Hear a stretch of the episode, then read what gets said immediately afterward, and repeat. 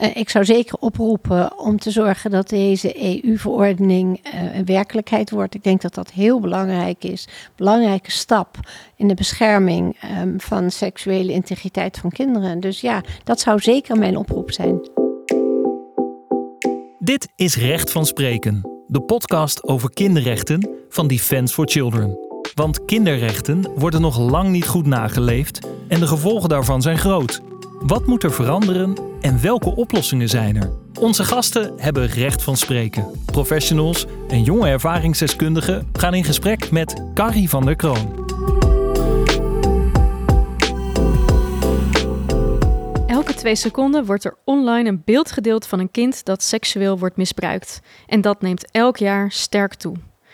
Een nieuw Europees wetsvoorstel beoogt kinderen daartegen te beschermen, zodat ze kunnen leven en leren in de digitale wereld zonder de dreiging van online seksueel misbruik. Als deze wetgeving wordt aangenomen, is het de eerste in zijn soort.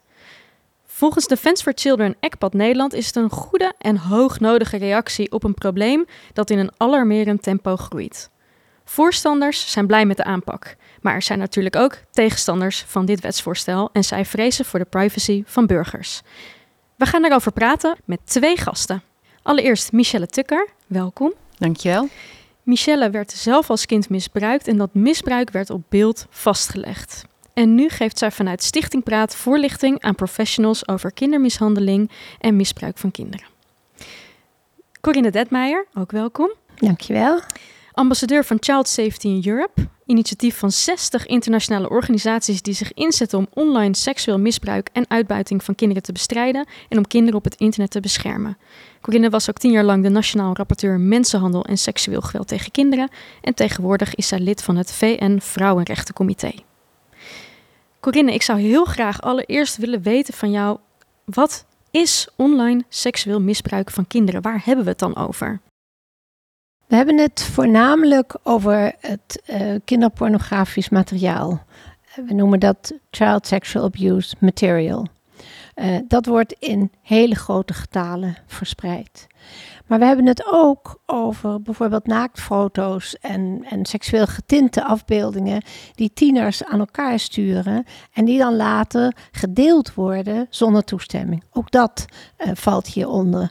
En tot slot hebben we het ook over grooming. En dat is de manier waarop een volwassene een kind zover krijgt om seksuele handelingen te verrichten. Het zij offline, in het echt, uh, en dat begint dan online. Het zij online. En dit gebeurt natuurlijk ook eh, deels onzichtbaar, maar wat weten we op dit moment van hoe groot dit probleem is? Um, er zijn twee rapporten daarover. Uh, het eerste rapport is van een Internet Watch Foundation. En die spreekt over 85 miljoen afbeeldingen in 2021. 85 miljoen. Dat is gigantisch veel. En wat zij ook aangeven is dat 19% van die afbeeldingen gehost worden in Nederland. Dan gaat het over uh, kinderpornografische afbeeldingen. Die, die, ja, die worden verspreid. Vaak zitten daar, wordt daar ook goed geld mee verdiend. Een ander rapport wat recentelijk is uitgekomen is van We Protect Global Alliance. En dat gaat over de veiligheid van kinderen online. En daar is een, een survey gedaan bij 2000 kinderen in Nederland, Frankrijk, Denemarken en Polen. En daar komt uit naar voren dat twee op de drie kinderen onder de 18 jaar wel een vorm van seksueel misbruik online heeft meegemaakt. Dus ook dat geeft behoorlijke hoge cijfers aan. Ik lees ook hè, in de stukken dat er naar schatting 72.000 meisjes en 24.000 jongens in Nederland in de leeftijd van 16 tot 17 jaar uh, online seksuele intimidatie meemaakt. Uh, wat weten we nog meer over specifiek Nederland? Nou, voor specifiek Nederland is ook dat rapport van We Protect Global Alliance. Um, en daarin zie je eigenlijk dat in belangrijk, eigenlijk in de meeste gevallen, um, gebeurt dit via direct messaging. Dus WhatsApp of Signal of, of een ander, uh, ander soort direct contact tussen twee, uh, twee mensen. En we zien dan ook dat ze ook vaak worden benaderd door een volwassene met ja, vragen over seksueel getinte uh, dingen. Maar we zien ook dat ze seksueel getinte afbeeldingen toegestuurd krijgen. Nou, dat zijn het soort dingen die zij noemen uh, en die zij natuurlijk als seksueel intimiderend ervaren. We horen ook dat heel veel uh, materiaal um, wordt gehost in Europa en sterker nog ook in Nederland. Hoe kan dat? Um, dat is iets wat eigenlijk altijd wel weer naar voren komt. Als we het hebben over die 25, 85 miljoen afbeeldingen, dan wordt daar ook van aangegeven dat 19% daarvan in Nederland wordt gehost. Dat is natuurlijk heel veel als je bekijkt dat dat cijfer van 25, 85 miljoen um, ja, de wereldwijde uh, ervaring betreft. Nederland heeft een, een hele grote internetdichtheid. Dus um, dat wordt vaak ook aangevoerd als reden van het, grote aantal wat in Nederland wordt gehost. Um, en en dat, dat zal zeker ook meespelen. Maar juist dat rapport van We Protect Global Alliance geeft ook gewoon weer dat kinderen ook in Nederland in dezelfde mate als in de landen om ons heen um, ja, benaderd worden uh, op deze wijze en dus last hebben uh, van onvoldoende bescherming van hun seksuele integriteit. Corinne, je vertelde me dat hier ook zo ontzettend veel geld aan wordt verdiend. Hoe werkt dat? Mensen betalen voor afbeeldingen van kindermisbruik. En we zien ook dat hoe gruwelijker het is, hoe meer daarvoor betaald wordt. En dan heb ik het over een hele jonge leeftijd. Of bijvoorbeeld ook met geweld wat daarbij uh, gebruikt wordt. Daar wordt veel geld voor uh, gebruikt. Er zijn natuurlijk steeds meer mogelijkheden nu om dat te voorkomen in het internet. Je ziet dat platforms daar ook aan meewerken. Dus er wordt uitgeweken naar, het, nou ja, naar de, de uh, encrypted mogelijkheden om dat beeldmateriaal te versturen. Dus we hebben het wel ergens over. En op dit moment is het eigenlijk heel vrijblijvend hè? of techbedrijven daar iets tegen doen. Uh, nou, daar gaan we het straks over hebben, want er is dus wetgeving in de maak die dit uh, zou gaan verplichten om te gaan voorkomen en om kinderen te beschermen tegen deze misdrijven. Dan wil ik graag naar uh, Michelle. Het gaat om het duizelingwekkende cijfers, hoor ik, een wereldwijd uh, probleem. Maar uiteindelijk gaat het om een individueel kind. en wat betekent dit voor een kind? Michelle, jij bent bereid om jouw eigen ervaring met ons te delen vandaag in deze podcast. En ik wil je graag uitnodigen om dat te doen. Dankjewel. Ik ben zelf als kind uh, seksueel misbruikt door mijn vader en door mijn oom. Uh, in de leeftijd van 4 tot en met 10 jaar ongeveer. En vanaf de leeftijd van 7 zijn daar ook beeldmateriaal van gemaakt. Uh, meestal was mijn vader degene die de foto's maakte en de video's. En um, gebeurde het misbruik met mijn oom. Mijn vader ontwikkelde de foto's ook zelf. Uh, op zolder had hij een donkere kamer. En um, op een gegeven ogenblik uh, ontdekte ik dat ook als kind. En um, vond ik dat echt verschrikkelijk uh, om terug te zien omdat je tijdens het misbruik altijd heel erg je best doet om te verdwijnen. Om het niet mee te willen maken, om niet aanwezig te willen zijn. Um, je verzint een andere wereld. In ieder geval, ik verzon een andere wereld. En um, als je dan ineens de foto's ziet en je weet dat je dat zelf bent, dan kun je er eigenlijk niet meer omheen. Um, de confrontatie is daardoor groter en ik merkte gisteravond toen ik er nog met mijn vriend over sprak, dat ik zelfs nu nog soms mijn best doe om dan, als die foto's voorbij komen in mijn hoofd, mijn eigen hoofd als kind daarvan weg te halen. Zodat het dan toch niet zo dichtbij komt en schokkend voelt. Maar het is er wel. Ja, en hoe kijk je daar ook nu tegen aan de wetenschap dat er beelden zijn van dat misbruik?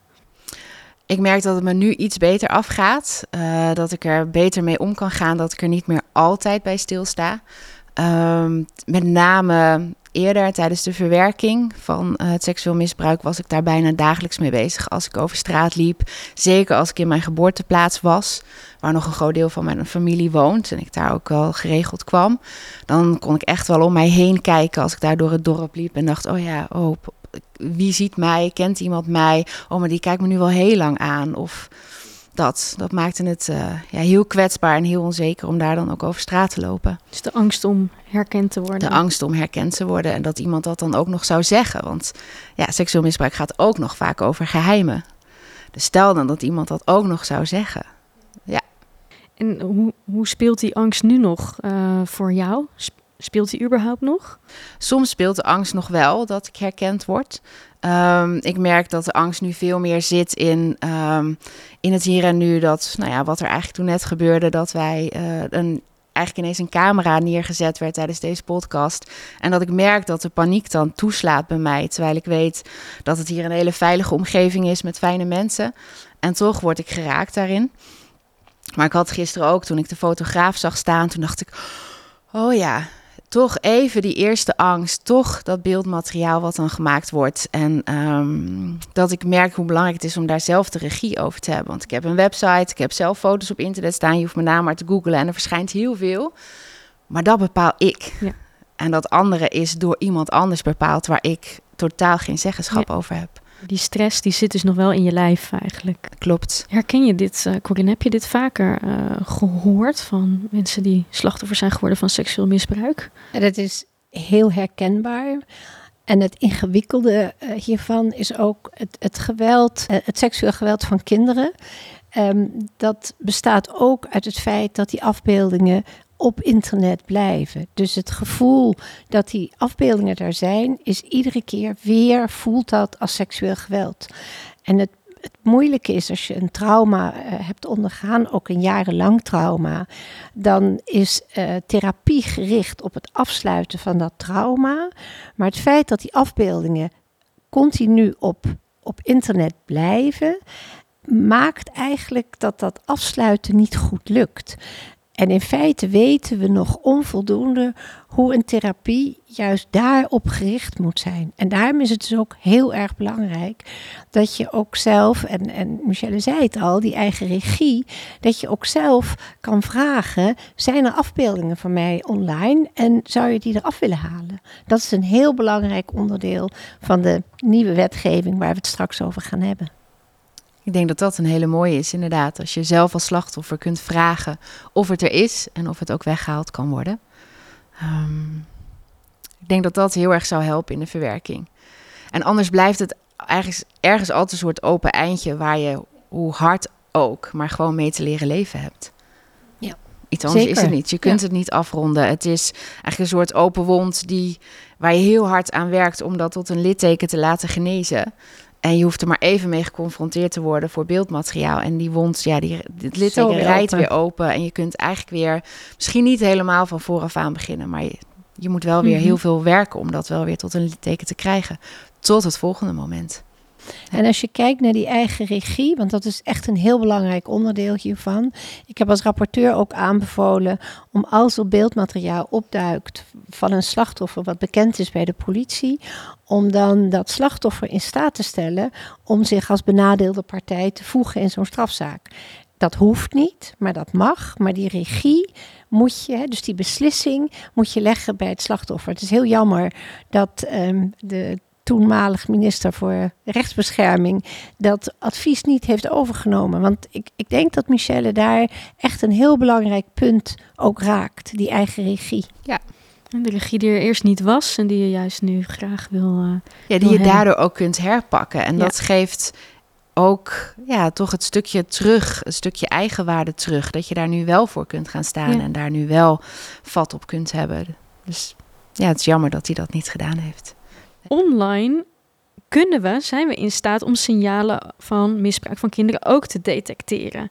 Um, en er zijn heel veel verschillende manieren waarop daders kinderen kunnen benaderen. Dat vertelde Corinne net al. En ook verschillende manieren om beelden te verspreiden en om daar ook heel veel geld mee te verdienen. Um, en ook daarom is dat misbruik ontzettend toegenomen sinds de komst van het internet. Maar ook tijdens corona hebben we verschillende toenames uh, gezien. En de Europese Commissie van de Europese Unie heeft gezegd, nou daar moeten we toch wel eens iets aan gaan doen vanuit wet en regelgeving. En daarom hebben ze vorig jaar een wetsvoorstel um, voorgesteld waarmee ze aanbieders van online diensten verplichten om seksueel misbruik van kinderen actief tegen te gaan op hun platformen. Corinne, wat is de kern van de voorgestelde wetgeving? Ehm, de kern, om de kern uit te leggen, moet ik toch een heel klein stukje van tevoren vertellen. Op dit moment zijn de online platforms die um, doen eigenlijk vrij, op vrijwillige basis um, halen ze beeldmateriaal offline, hè, halen ze het van hun platforms af. En op vrijwillige basis werken ze daaraan mee. En de meeste platforms doen dat eigenlijk ook wel. Alleen die mogelijkheid van vrijwillig meewerken, dat eindigt in 2024. Uh, eh, en bovendien is het zo langzamerhand ook wel tijd om dat te reguleren. A, omdat er ook platforms zijn die niet meewerken. En B, omdat er ook andere manieren zijn van het verspreiden van het beeldmateriaal van seksueel misbruik. Dus we moeten die volgende stap ook wel maken. Um, de, de verordening is eigenlijk heel um, ja, duidelijk. Um, platforms worden geholpen om detectietools uh, te ontwikkelen en om preventief ervoor te zorgen dat er op hun platforms geen beeldmateriaal is. Ze worden ook verplicht in de nieuwe uh, verordening om als er wel beeld, beeldmateriaal is, A, om eraf te halen, maar B ook om dat te melden. En daarvoor is een Europese coördinator aangesteld en ook een Europese uh, autoriteit om uh, die platforms daarmee te helpen en ook om de ontvanger te zijn van die meldingen. Als die meldingen er zijn, dan gaan die naar het betreffende land uh, die, ja, die daarin moet handelen. En dan is daar een, een, een uh, overheidsentiteit of een opsporingsentiteit die belast wordt om, om zich daarmee bezig te houden. En daar is ook in voorzien dat ook de nationale rechter daar een stem in heeft. Maar in, in, eigenlijk in feite is het ook heel belangrijk dat er preventief gewerkt wordt. En met die preventieve maatregelen, daar helpt ook die Europese entiteit mee om, ja, om, om de platforms daarmee te helpen.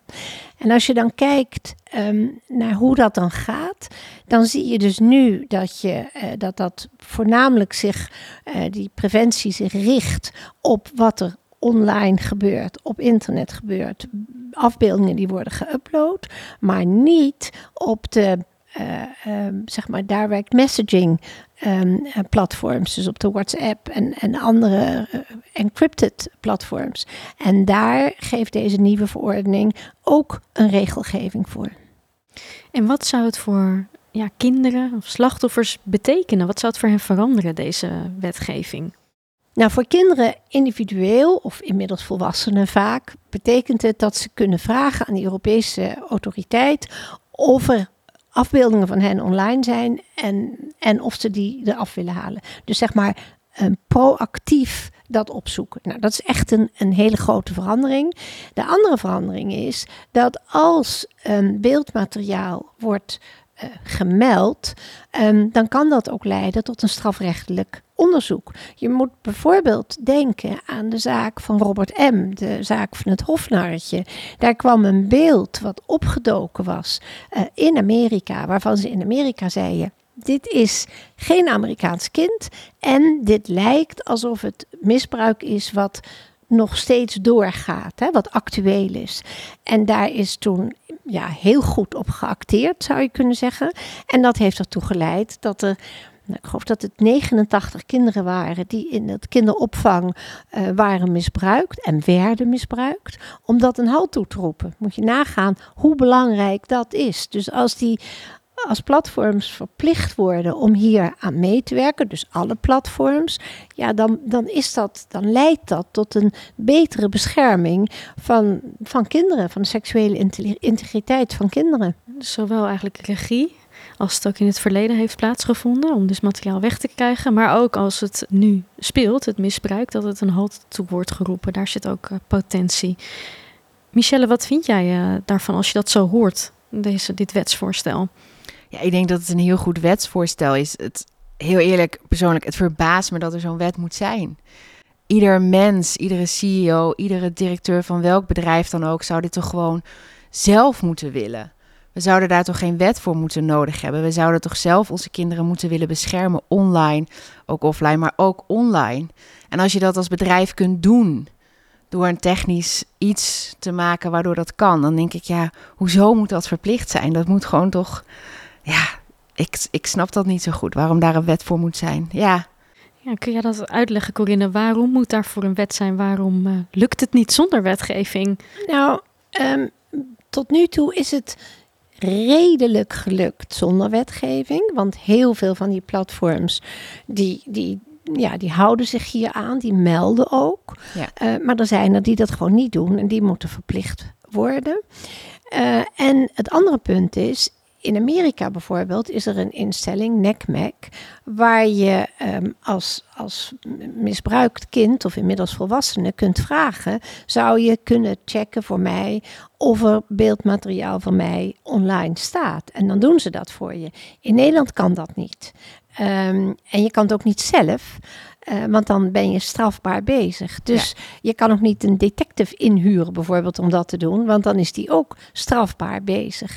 Dus ik denk dat dat wel een, een, een grote verandering is. Niettemin zijn er in Nederland um, wel heel veel stemmen die tegen deze wetgeving zijn. Daar wilde ik het inderdaad uh, precies nu over gaan hebben. Dus die tegenstemmen, wat zeggen die? Uh, want Michelle geeft ook aan, hoe kun je hier nou tegen zijn? Ja, ik snap dat echt niet. Nou, er valt iets tegen in te brengen, begrijp ik. Wat, wat voor dingen vallen daar tegen in te brengen? Als het gaat om encrypted um, messaging, dan, dan wordt dat bijvoorbeeld ook gebruikt door mensenrechtenactivisten in Iran. En is dat heel belangrijk dat die dat kunnen blijven doen. Dus dat is de andere kant van het verhaal. En dit soort privacy uh, en beschermingsargumenten, dat is wat je hoort hiertegen. Um, waarbij dan gezegd wordt, ja, dan kijkt de overheid mee met alles wat er gebeurt ik um, denk aan de ene kant dat dat wat is. Ik zie de argumenten wel en ik denk ook dat we daar serieus naar moeten kijken.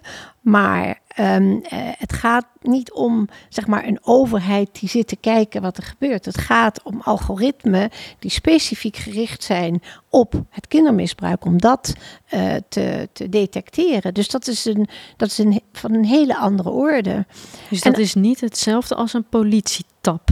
Begrijp ik. Nee, het is zeker niet hetzelfde als een politietap. Dus dat, dat, dat is de ene kant. En de andere kant denk ik, ja, um, als we zien hoeveel kinderen seksueel misbruikt worden en hoe dat misbruik uh, doorgaat en hoeveel leed en trauma uh, dat met zich meebrengt, dan zou wat mij betreft de balans gewoon op dit moment ja, moeten, ja, extra moeten wegen aan de kant van de bescherming van kinderen. En ik zie Michelle instemmend knikken. Ja, de kinderen kunnen dat zelf niet. Dus dat moeten wij als volwassenen doen, vind ik. Dus ja, ik sluit me daar heel erg bij aan. Dat die verantwoordelijkheid bij ons als volwassenen moet liggen om hun te beschermen.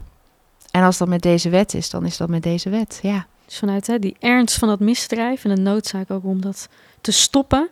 Um, en de massaliteit. Hè? Ja. Het is niet zeg maar één per um, duizend kinderen. Het is echt van een hele andere orde.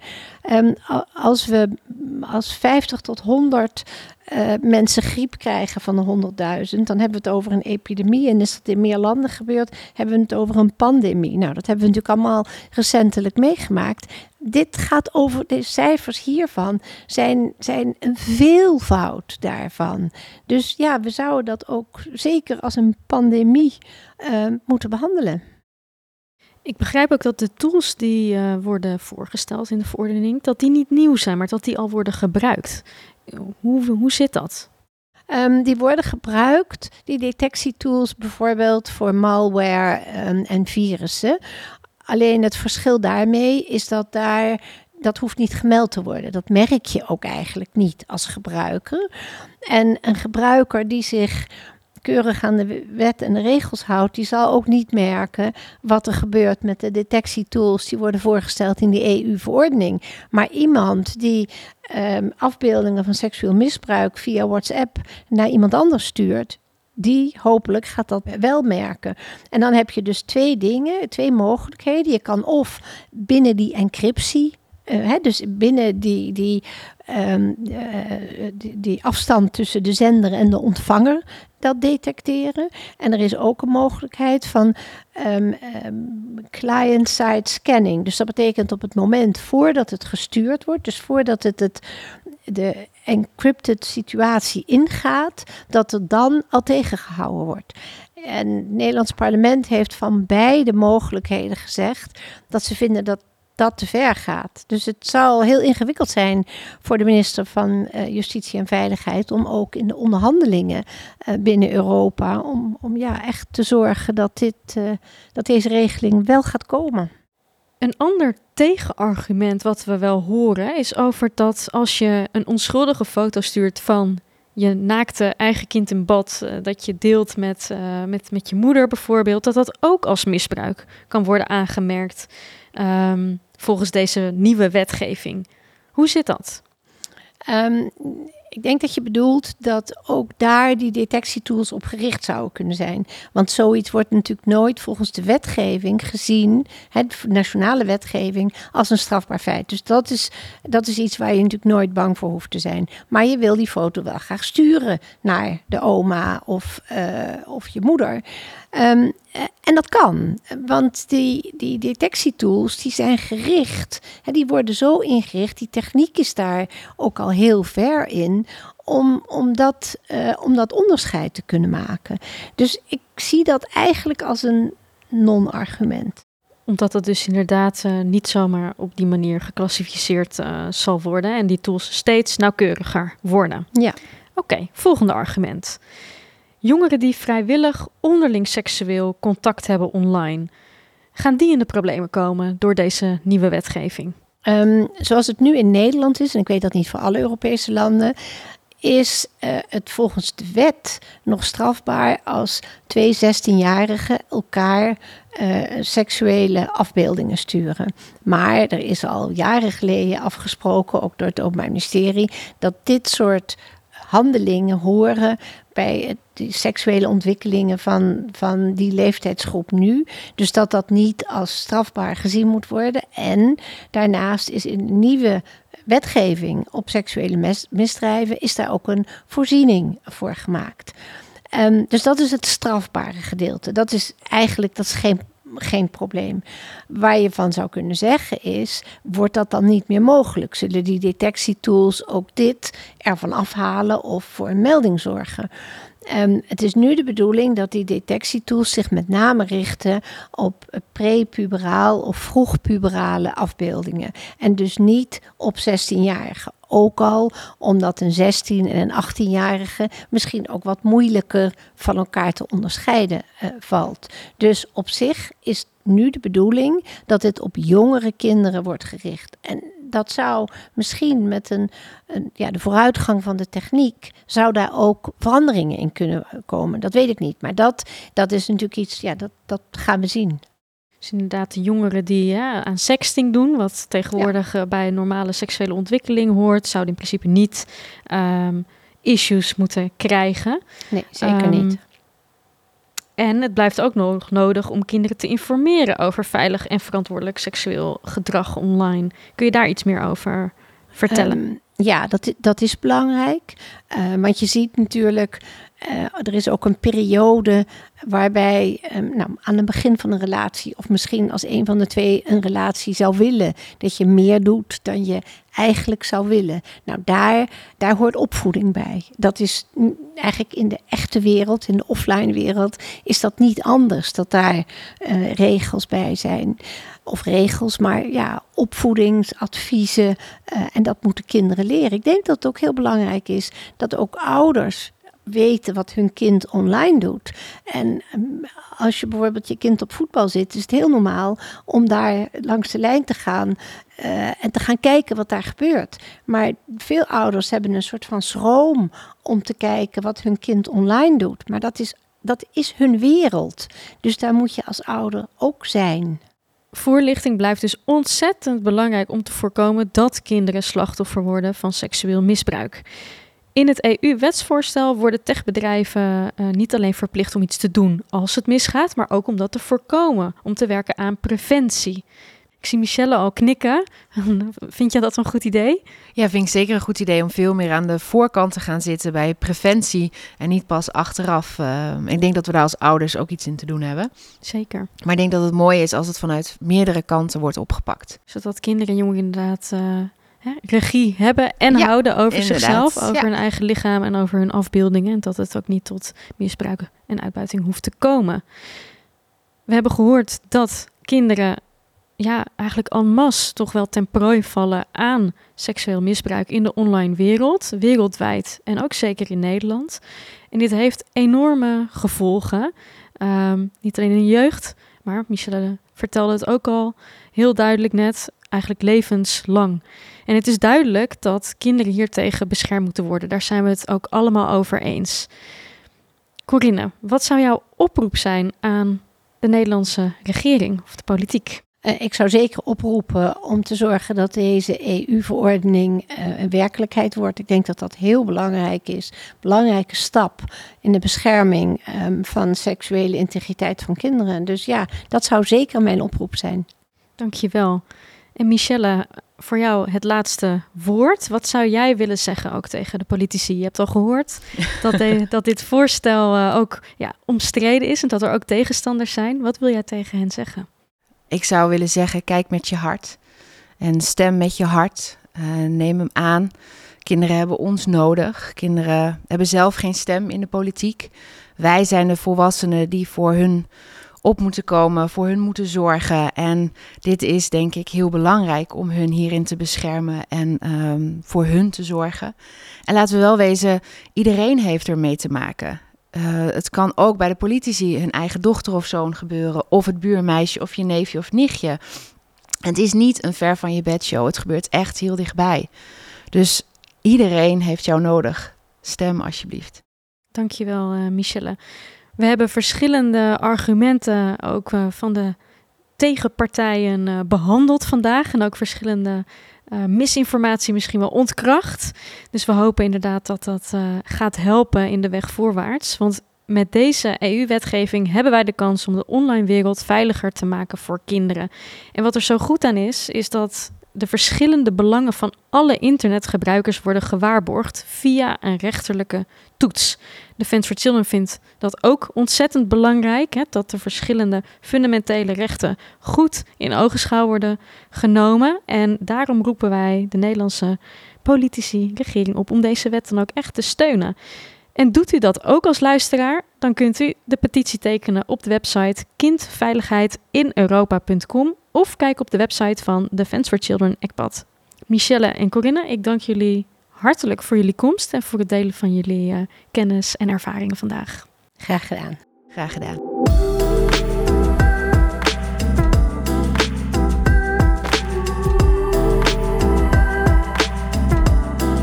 Dit was Recht van Spreken, de podcast over kinderrechten van Defense for Children. Wil je ons werk op het gebied van kinderrechten steunen? Ga dan naar defenseforchildren.nl.